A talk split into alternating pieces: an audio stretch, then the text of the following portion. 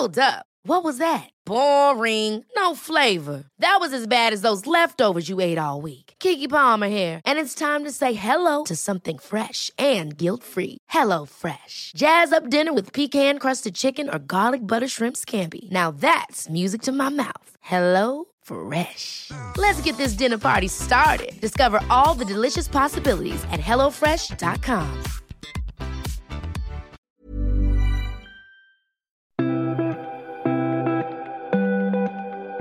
Välkommen till ett nytt avsnitt av Podcast Mallorca.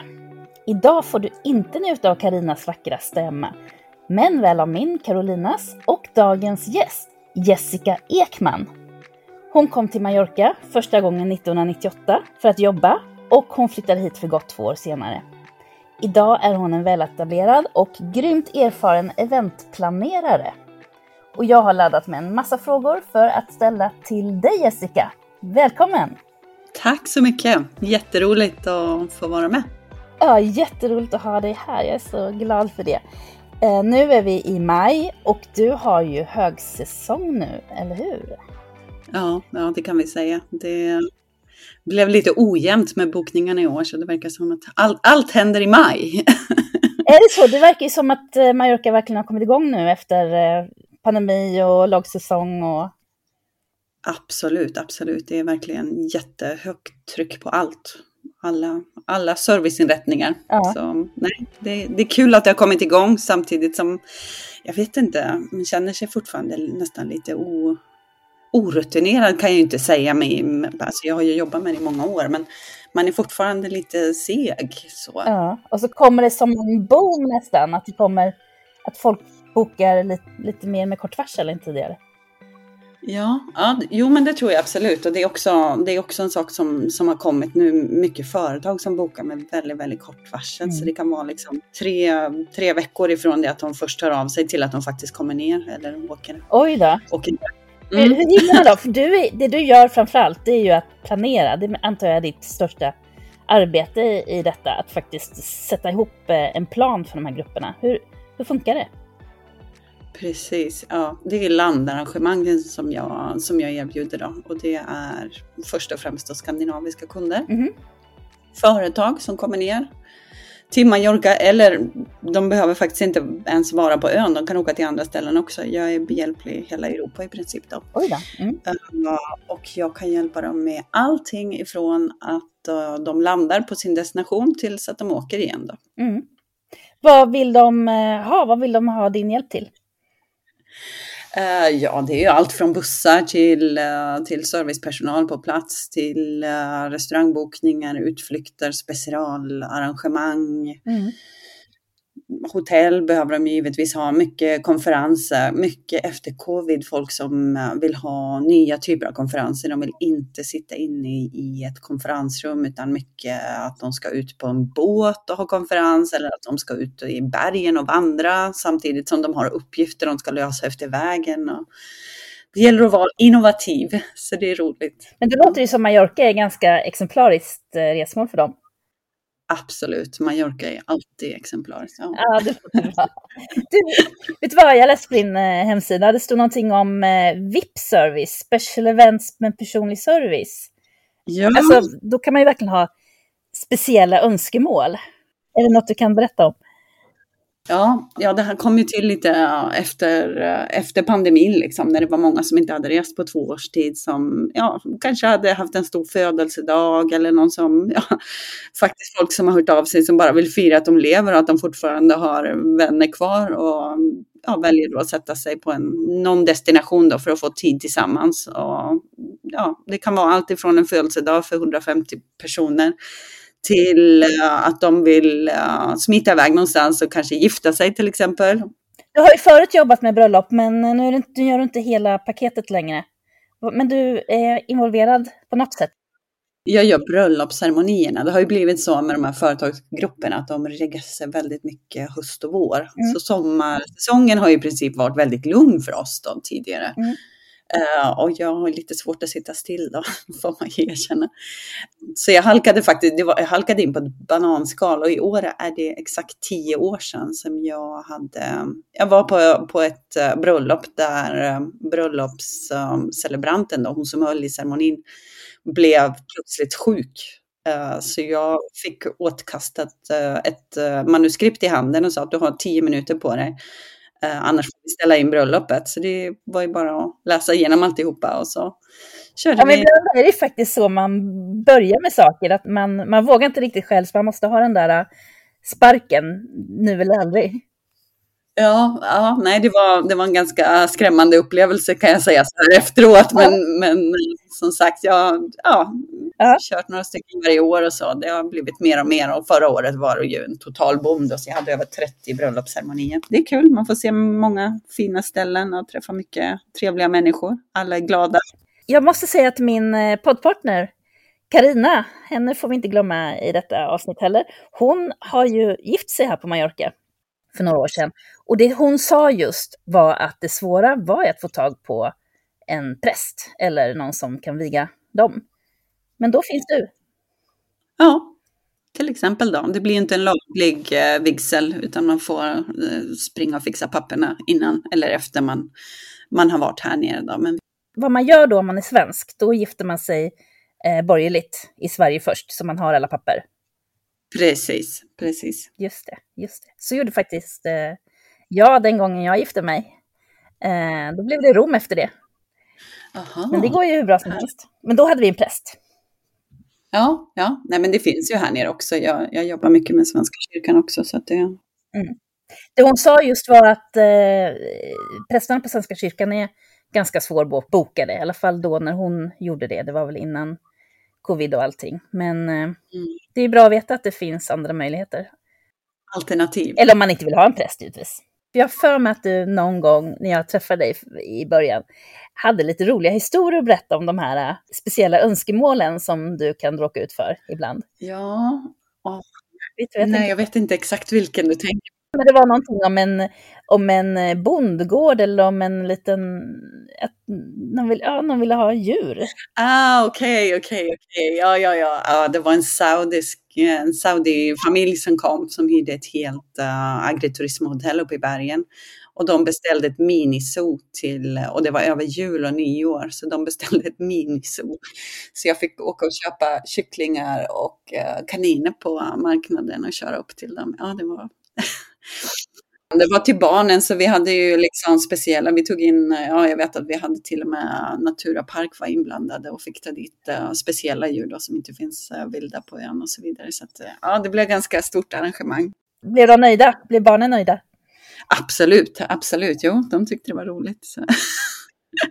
alltså de här saudisk, eh, sa du prins? Mm. Ja, du, alltså, du har den typen av eh, gäster ibland alltså? Det finns allt på den här ön. Det är det som är så spännande med Mallorca. Det, det är det jag brukar säga. Det är sån otroligt, eh, ja, det rör sig så mycket, det kommer så mycket folk hela tiden. Liksom, så att du kan i princip träffa vem som helst i hela världen här nere. Så att, eh, mm. Men sen blir det ju givetvis då att har man, har man kontakter och jag har ett bra kontaktnät så blir man ofta inblandad i lite otippade saker. Ja. Mm. ja. Vad kul! Då bara undrar jag om du har något mer roligt du kan, du kan dela med dig av? Nej, jag, jag, kan säga jag hade en, uh, en märklig request som kom. Um, det var faktiskt under pandemin där. Då fick jag en nyckel inslängd på min gård med en adress mm. på och sen ringde de mig efteråt för det var ju liksom, man fick ju fortfarande inte träffa varandra det var, det var en engelsk familj som flyttade ifrån ön, så de lämnade bohag och allting och bara, kan du sälja den här? Jag sa det till dem, jag har aldrig, jag var inte, mamma är faktiskt, hon har varit mäklare i Sverige, men jag har aldrig hållit på med, med att sälja hus. Men det slutade med att jag fick eh, avsluta deras uh, boende på Mallorca. Det var en lite udda request, men det var ju verkligen VIP. Ja. Så, ja, det var bara att gilla läget, så vi fick visa, uh, borsta av skoltyskan och sälja deras uh, saker då till, uh, till en tysk familj som faktiskt tog hela rasket. Så. Jaha, inklusive möbler och porslin och rubbet som de lämnade. Ja, ja, ja vi, fick, vi fick justera om lite där. Men det är en sån, en sån grej som jag kanske inte hade räknat med att det skulle komma där. Men, uh, men det är lite därför det står det sån. Ja, ja, men vill ni ha hjälp med något så. Mm. Så VIP betyder egentligen att du kan göra nästan vad som helst? ja, det är, Ja, det låter lite stort. Nu ska jag inte gå in på uh, moraliska grejer, men alltså du, du, du, har en förmåga att uh, arrangera det mesta för du har så mycket kontakter. Och... Jo, men det, det, blir, det blir ofta liksom att ingenting Jag gillar utmaningar, ingenting är omöjligt. Och det, det är som vi pratade om innan också, lite stress, det är liksom helt okej. Okay. Det, det fungerar. Ja. Det fungerar. Det, det, det bara triggar. Ja. Vad kul! Ja. Men du bor alltså på Mallorca. Du, du eh, började som guide i några år. Mm innan du flyttade till Mallorca. Precis, precis. Och sen när jag kom till Mallorca så har jag bott runt lite grann och det var jättenyttigt. Så första året bodde jag uppe i eh, Playa de Morro. Mm. Och sen hamnade jag tre år i Marivent utanför Palma och sen bar det iväg bort till Calador och sen 2003 då köpte vi huset i Llucmajor. Som är den äh, vackraste byn på ön. Nej, det är det väl inte, men, men vi gillar, vi gillar Llucmajor. Ja. Det som är roligt med Jukmajor tycker jag är också att eh, den ligger nära flygplatsen. Den ligger väldigt eh, bra till. Alla säger att Palma gör det, men det gör ju verkligen Jukmajor också. Men ändå är den så liksom pass okänd i alla fall för svenskar tycker jag. Tyskarna har hittat dit, men inte så många fler känns det som nästan.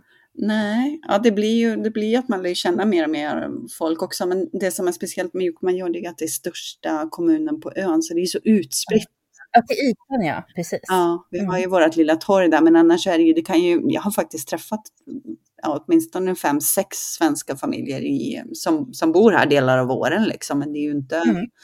det är ju inte så lätt att springa på dem om man säger på, på affären, för vi har ju många affärer i byn och det är, ja. ja det är torget som är mötesplatsen där liksom. Ja, precis. Mm. Jukmajor, som kommun, är ju, det innebär ju en stor del av El Arenal faktiskt, eh, som är ja, Mallorcas nästan största turistmagnet kan man säga. Mm. Och framförallt är det ju unga tyskar och holländare som åker dit och partajar. Men sen har vi också Calablava som är ett riktigt eh, lite lyxområde också vid, vid havet. Men så är det som du säger eh, den här ganska lilla byn också med torget. Och den är ganska avslappnad tycker jag, den där byn. Ja. Mm. Eh, du bor i eh, utkanten av Jokkmajor, är det så, på en liten gård? Ja, precis. Jag bor um, ute på landet. Det är tre kilometer in till, uh, in till byn. Då. Så mm. vi köpte huset här 2003. det var en ren sån, uh, ja jag tror vi hade sett mellan 30 och 40 hus och det var väldigt, väldigt svårt. Alltså, det vet ju de som, som har letat hus på ön att det inte är jättelätt att, att hitta rätt så. Och i Nej. princip allting här ute, det var dåligt byggt, det fanns inga tillstånd, det var olagligt, mm. uh, hot om att de kanske till och med kunde riva husen för en. Ja, det där har man hört mycket om faktiskt, lite skräckhistorier. Mm. Men det har funkat bra för er ändå? Ja, vi, hade, vi hade faktiskt sån tur, för jag kommer ihåg det, att det var, det var helt övergivet. De hade inte bott här på, på många år, så att vi fick liksom ta machetes för att komma in genom, genom vinden. Liksom. Det var så, så igenvuxet. Och när vi äntligen tog oss upp så var det vindruvor på, um, ja, som hängde liksom över hela terrassen, precis som det gör ofta i Grekland. Det låter ju rätt charmigt ändå. Ja, jag fick någon sån här, jag fick någon, eh, jag vet inte. Och sen såg jag, sen såg jag poolen och jag kommer ihåg att jag drog tag i ägaren då och bara, är mm. poolen laglig? Och då, då flinade han ett sånt där high-smil och så visade han upp papperna liksom att den var en laglig pool. Och sen slutade jag lyssna för det fanns ju varken vatten eller el eller någonting men jag skulle bara ha det här huset. Så det, Finns det inte vatten eller el och det är inte lagligt, då är det ganska svårt. en pool kan man någonstans Förr så kunde man fixa det, nu, nu kan man inte fixa någonting som är olagligt. Men förr blev det lagligt efter åtta år. Ja. Men nu finns ju inte den möjligheten. Men vatten och el då? Ja, men vatten och el och det är ganska komiskt. Vi hade ingen aning om det innan vi hittade det här huset. Det är väldigt många i, uh, i det här området som faktiskt varken har uh, connection till, uh, till el, vad säger man, elkabel alltså. alltså. Ja, just det elnätet. Ja, eller att de har vatten. Så vatten kommer med lastbil, det kan man beställa då. Så vi beställer en gång i månaden. 12 000 liter kostar 46 euro just nu. Ja, men det låter ju ändå eh, överkomligt, eller? Ja, det, alltså man gillar ju att vattna och ta hand om trädgården och så, så att det blir ju det blir pengar. Stor pool också då. Den, och sen elen, det var ju liksom, man var ju ganska stöddig då som liksom, ja, ung, ung person. Ja, men det är klart vi kan producera vår egen el, så vi var väldigt ambitiösa i början och hade både vindkraftverk och solceller. Vi var ju nästan först i, i Jokkmajor med solceller liksom. Jaha. Och, och så generator på det, så vi var ju ja, 100% självgående här liksom. Så. Ja. Men nu eh, är det ju jättepopulärt med solceller. Det är inte, då har ni det. Precis, ja. Ja. ja nej, så det, det känns ganska normalt liksom. Det är inte Ja. så, nej. Och din man eh, som är så pappan till eh, dina barn, han var majorkin så han kanske kände sig lite trygg med... Jag tänkte om man kommer som svensk utifrån och ska sätta upp vindkraftverk och så, det kanske är lite... Ja, jag, jag vet inte, jag skrattar lite när jag tänker på det där, för det är liksom, han hade ju ingen erfarenhet heller. Liksom. Det var väl bara, vi hamnade ju här för att det var så bra läge, det var 12 minuter till flygplatsen och Mm. 20 till Palma och alltihopa. Så jag, jag tror han blev lite som mig, vi tänkte inte så mycket mer på det där, men det Nej. gick ju som det gick sen. Bland annat så skulle vi borra egen, egen brunn till huset. Ja, det också. Mm.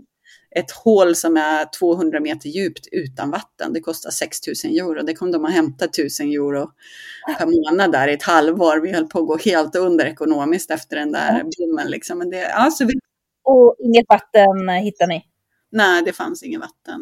Jag vet, Det är för djupt där? Ja, ja, okej. jag vet inte. Vi hade någon gubbe som sprang runt med ett sånt där vatten, uh, en vattentriangel och, och påstod att det fanns vatten där. Och jag vet inte. Vi, ja, Ja, nej, nej. ja, han fick väl sin procent där också för att säga det kanske. Helt säkert, helt säkert. Var man väldigt blond och svensk ett tag, men ja.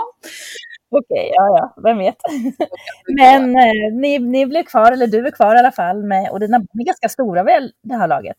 Ja, precis. Jag har min uh, stora tjej, hon är 17 år, så hon går gymnasiet i Palma och 13-åringen bor hemma hos mig. Och sen 2006 flyttade mamma ner och så vi kör lite genera- generationsboende här. Så Ah. har byggt sin egen lilla bungalow på, ja, vi har gjort om garaget då, för man får ju inte bygga någonting nytt. Precis. Ja. Frågan är om man ens får eh, använda garage som boende. Det är ju väldigt strikt här numera, men om det var ett par år sedan så... Allting är relativt. Ja. Ja. Precis. Så länge det har gått åtta år så, så, så går det bra. Men, eh, ja, men då lever du som en riktig marockinsk eh, familj, för det är ju så många bor här med sina föräldrar. Ja, nej, det är lyckligt, eh, lyckligt arrangemang. Det fungerar, fungerar bra. Mm. Så det är jättebra. Och bo ute på landet är ju fantastiskt, speciellt om man åker in och jobbar i Palma då, som jag gör. Jag Mm. trivs jättebra inne i Palma, men det är så fantastiskt att åka hem på eftermiddagen sen. Så det är, Mm. Det är en dröm för många, även många svenskar som eh, kommer hit och den här drömmen om en finka på Mallorca. Så att du, ja, då lever du den drömmen som många har. Ja, jag ska komma ihåg det i november när det regnar i tre veckor i rad och allting är lera och eh, läskigt och solcellerna inte fungerar för att vi har fått moln flera dagar i rad. Men Ja, ja, ja. Det är bra att du kan påminna om verkligheten också för de som drömmer då om finkan.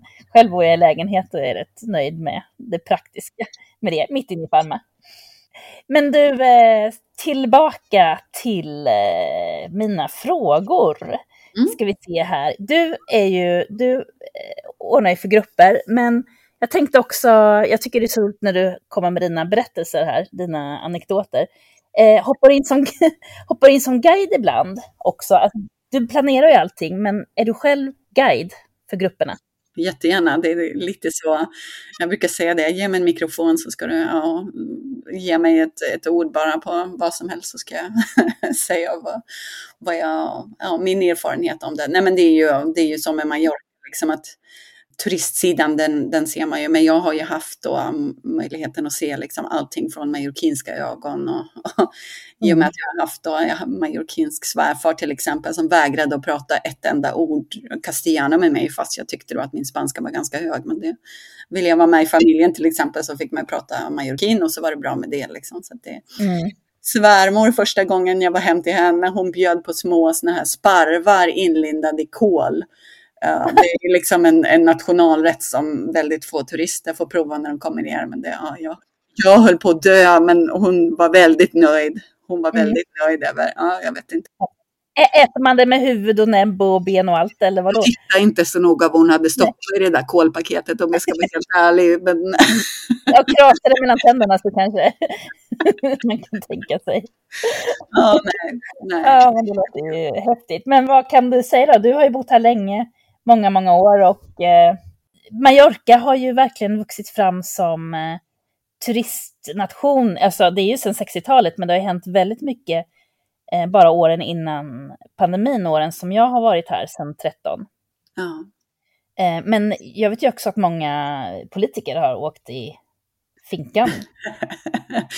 Ja, precis. Jag brukar fråga turisterna eller mina grupper då när de kommer ner så här vad de är intresserade av, vad de vill veta för någonting. Om man kör där på motorvägen så man ser, ja här har ni Palmas, uh, Palmas fängelse som är det passerar man på väg till Sojer tror jag. Ja. Fyr, fyrstjärnig status, swimmingpool, trädgård, äh, egen, äh, egen restaurang och helt ärligt så sitter väl de flesta av våra före detta politiker där inne då och vissa mm. delar av kungahuset också. Så det... Ja, precis. Sverige, jaha, så det är verkligen, äh, okej, okay, det är lyxboende där inne. Ja, det, jag, har hört, jag har hört att det ska vara ganska fint där inne i alla fall. Så, ja. ja.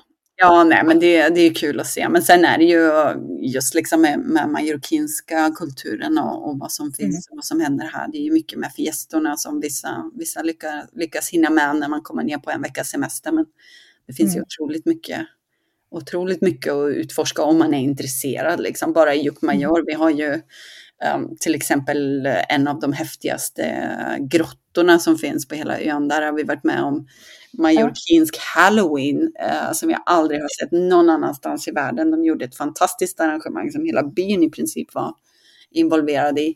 Eh, så de gjorde som en uh, sån uh, skräcktunnel inne i, den här, um, i det här schaktet. Då. Det är sju kilometer lång den här tunneln. Den får jag ta och besöka någon gång. Ja, det är en restaurang i vanliga fall också. Det går att göra stora, stora företagsevent där inne också. Ibland gifter sig, gifter sig folk där också, lite otippat. Mm. Oj, jag gillar de här, är det Dimonis då som dyker upp i Halloween? Det är egentligen San Sebastian. Det är San Sebastian, ja, men Dimonis ja. får gärna vara med på alla fester här nere. Det är, mm. liksom, det, det, är ju en del av kulturen också. Det är synd att ja. vi har all, alla de där arrangemangen i januari när mm. turisterna inte är här. Då, men... Ja, och det är verkligen en eh, marockinsk eh, högtid som är stor och härlig och mycket, mycket energi faktiskt. I alla fall mitt i Palma där jag har varit. Deras högtider marockinska högtider känns väldigt marockinska faktiskt. Ja. Och de är engagerade och de, eh, de verkligen går man ur huset och går all in.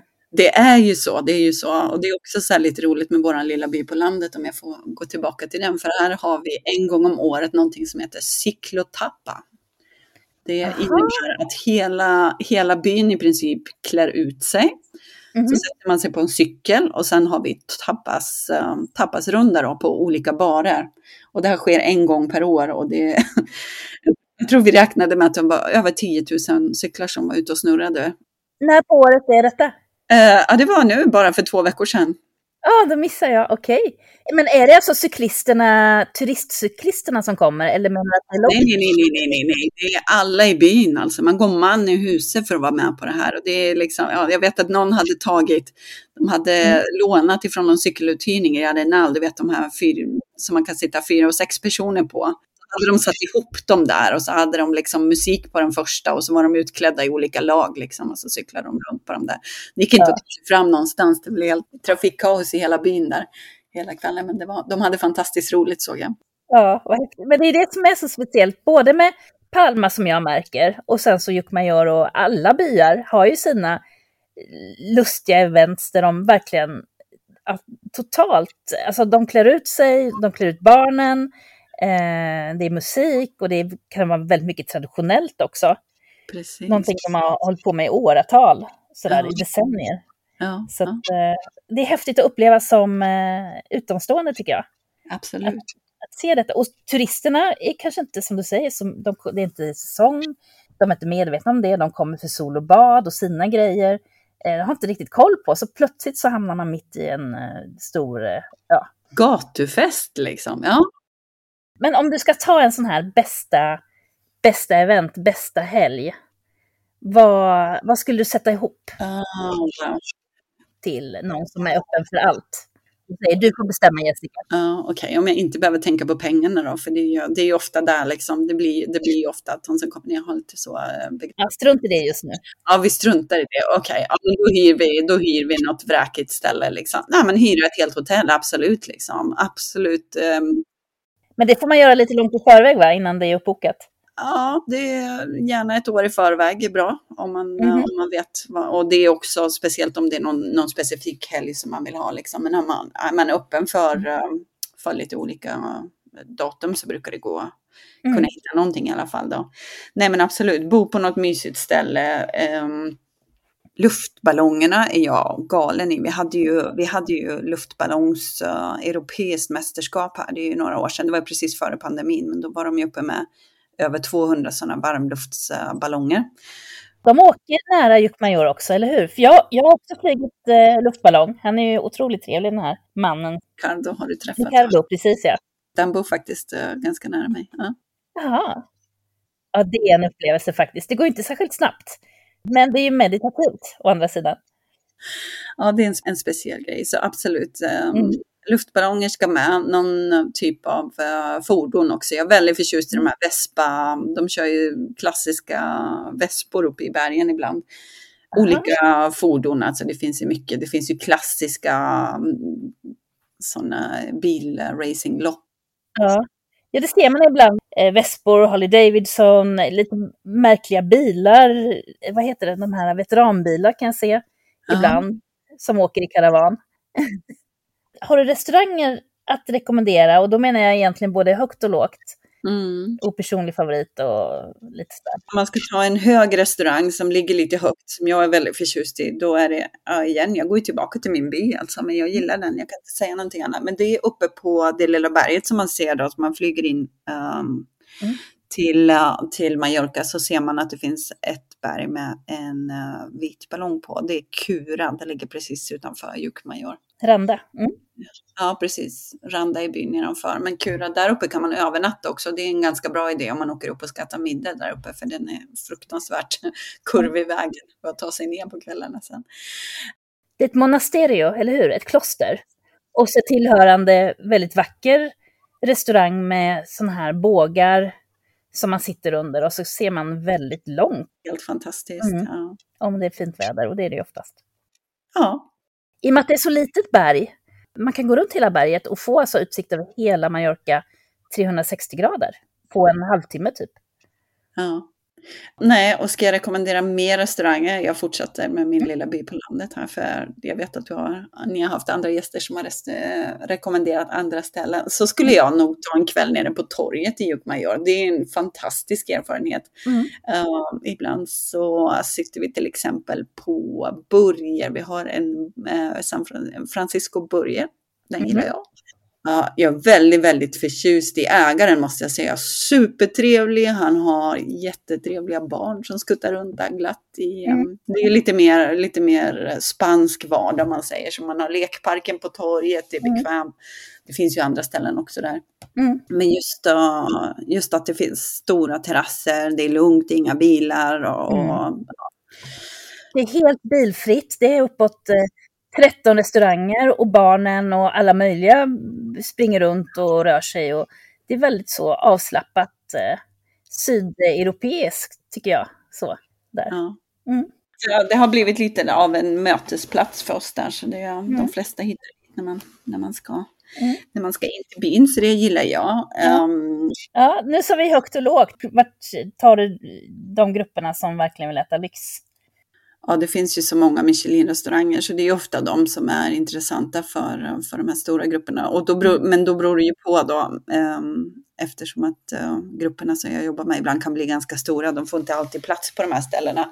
Men då, då får man ta in catering och då har vi ju catering med Michelin-stjärnor också. Då, så. Son Termes, de, är, de har fantastisk mat där ute. Det är en gård som ligger utanför Palma.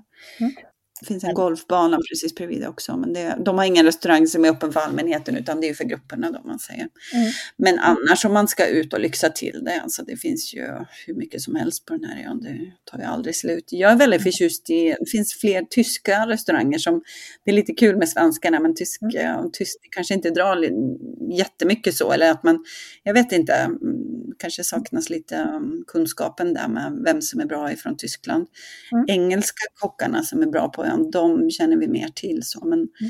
Bland annat så finns det ute i Calapi, ute vid havet om man säger, mm. fortfarande i Yucmayor, en väldigt bra restaurang som heter Balcon de Cabreras. Det är en tysk uh, kock som, eller ja, en tysk uh, man som driver den, då, men han har, han har en tysk uh, kock som är väldigt känd där ute. Mm. Så där har vi varit några gånger, väldigt bra mat. Ja, men annars är jag lite för bortskämd. Jag har en väldigt bra kock hemma nu för tiden, en sydafrikansk kock. En sydafrikansk kock och en sydafrikansk man, eller hur? Som är din? Yes, yes, yes. Man, yes, sambo, hur det nu ligger till. Ja, ja än så länge så. Ja, Vad härligt. Så, så är det. Ja. Ja. ja. precis som du säger, vi, har inte, vi svenskar har inte superkoll på tyskarna, men de är ju otroligt eh, skickliga och de har höga krav och hög kvalitet. Så att de byarna som ligger åt det hållet, eh, av Mallorca, Santani och så. Alltså det, man hittar ju så otroligt bra restauranger, bra eh, butiker med, med fina saker. Allting är väldigt hög kvalitet och det är ju tack vare att den delen av Mallorca har ju tyskarna lite grann eh, lagt beslag på, om man säger så. Många bra hotell. Absolut. Och fler, mm. och fler som kommer och öppnar också. Så att det, nej, det är, um, jag vet inte, men det är mångfald, det är bra tycker jag. Det är, mm. det är som jag säger med, med allting. Um, ibland får man frågan där, ja men liksom, är det jobbigt med alla tyskarna? Nej, absolut inte. Nej. Alltså, det är, det, nu tänker inte jag på de som är nere i Arenal och, mm. och ute där. Och, mm. Utan det är som du säger, att det, kommer, det är ju mycket, väldigt bra kvalitet på mycket saker tack vare dem. Jag tror vi får ja. lov att tänka om lite faktiskt. Ja. Nej, men det, det tycker jag verkligen att jag har lagt märke till. Som du säger, El Arenal är ju motsvarande Magaluf, fast för tyskar och holländare. Men utan, skulle jag säga, utan bråket, utan det här liksom eh, machostilen. De är bara här och är glada och sjunger sina fotbollssånger och tjoar och är glada helt enkelt. Eh, men de är ju fulla, de dricker sin öl, de tar inte massa droger, de dricker sin öl, punkt slut, och är glada. Det är de unga. Sen så pratar vi om de medelålders och de äldre och familjerna och så. Det är ju, Mallorca är otroligt populärt bland tyskar och det sätter sin prägel på ett väldigt positivt sätt, tycker jag. Mm, mm, mm. mm. Eh, vi har pratat lite om hotell, men har du något hotell du skulle kunna lyfta fram sådär? På min sida? På din sida ön, eftersom det är där vi rör oss. Mm. Ja, precis som du sa så finns det ju många mindre hotell. Alltså det är också, det är ju någonting, och, men jag tycker att svenskarna är väldigt bra på att upptäcka de här ställena själv mm. också. Men just då, om man kommer ner en vecka, kanske ta en natt och åka ut någonstans på landet och testa någonting helt annat. Och då finns mm. det ju i Jökmajor, det mm. finns massor jag tror vi räknar med, jag kollade faktiskt siffrorna häromdagen för jag hade någon som frågade mig, så 250 olika agriturismhotell finns det på hela ön då. Ja, oj. Varav åtminstone 25 av dem ligger i Jukkmajor. Så att, ehm, och mm. väldigt hög kvalitet. Det finns ingenting som är under fyra stjärnor. Mm. Så det, det, är absolut värt det och det blir en helt annan del av Mallorca man får se. Jag är väldigt förtjust i ett ställe i Porreras, det är våran grannby faktiskt, mm. uh, som heter Sabasa Roja. Sabas Roja. Uh, varför jag tycker om det stället, det är, ja, det är ganska litet, de har runt 30 rum så det går mm. ändå går in lite folk där. Väldigt bra restaurang, de har mm. mysigt poolområde, det är en stor pool. De kör mycket mm. grillaftnar, det är någonting som jag är väldigt förtjust i, liksom, att man kan åka ut och, och äta där. Men sen är det ett av de få hotellen då som är lite mindre som har spa, mm. uppvärmd pool, mm. öppet året runt, mm. egen vingård. Hela det här området där jag bor, det är ju fortfarande Play Levant Domination de Origen, alltså det mm. området som, är, som sitter ihop med Manacor. Så det är väldigt, väldigt hög kvalitet på vinerna. Så mm. det kan man göra. Det kan man också göra. Jo, det man inte får glömma faktiskt, för jag tror att ofta så vill man ha ett hotell vid havet. Och vid havet ligger ju framförallt de här stora, enorma turisthotellen. Ja. Men om man då tar sig inåt landet, det är en otrolig utsikt, särskilt runt Djupmajor, för att det, landskapet är så platt där. Så att man Mm. ser ju så långt, man får ju så mycket naturupplevelse när man bor där. Precis, precis. Mm. Ja. Det finns mycket, mycket fint, men absolut försök att ta, ta sig ut lite på landet och se, se vad som finns. Och om man ska ta en strand då, vad finns det för favoritstränder i? Nu är inte jag någon strandperson, men vår närmaste strand är ju liksom, det är där vi, vi hamnar oftast då. Det är ju liksom en förlängning av eh, Strängstranden, det är ju Sarapita-stranden och då har vi ju Club Nauticon där som är väldigt bra. En stor restaurang Mm. eh, som har två, det finns dels pizzeria direkt på stranden så du kan sitta med tårna i sanden och käka väldigt, väldigt bra pizza.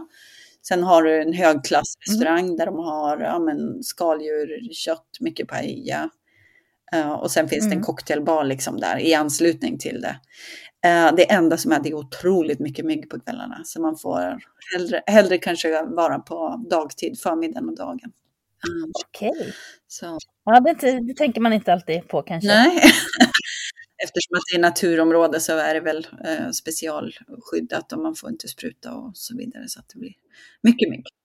Ungefär som i Alcudia, du vet, så Alcud, baksidan på Alcudia som är så känd för att ha mycket mygg. Ja, vi har dem nere på södra delen också. Med, annars med stränder, alltså det är ju, för hur den är, det är ju samma både med Magaluf och Arenalstranden. Det är ju väldigt bra att åka dit på förmiddagarna för då är det ju i princip tomt.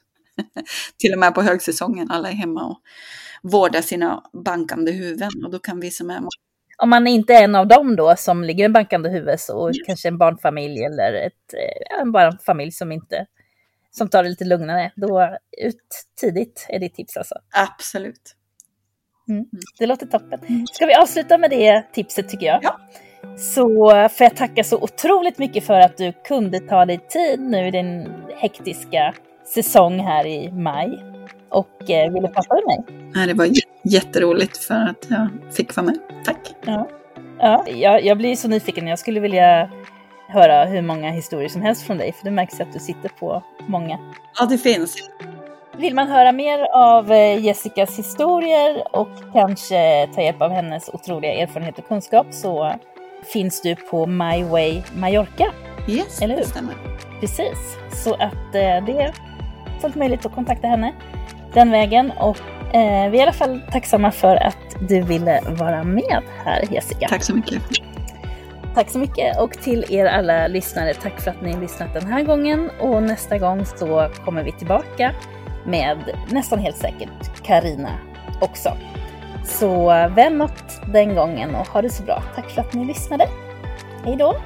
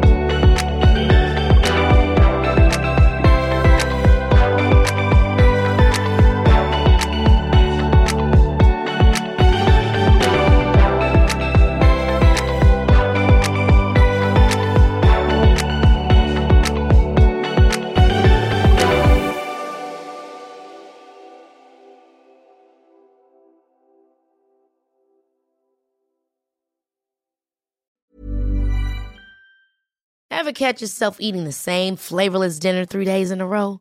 Dreaming of something better? Well, HelloFresh is your guilt free dream come true, baby. It's me, Gigi Palmer.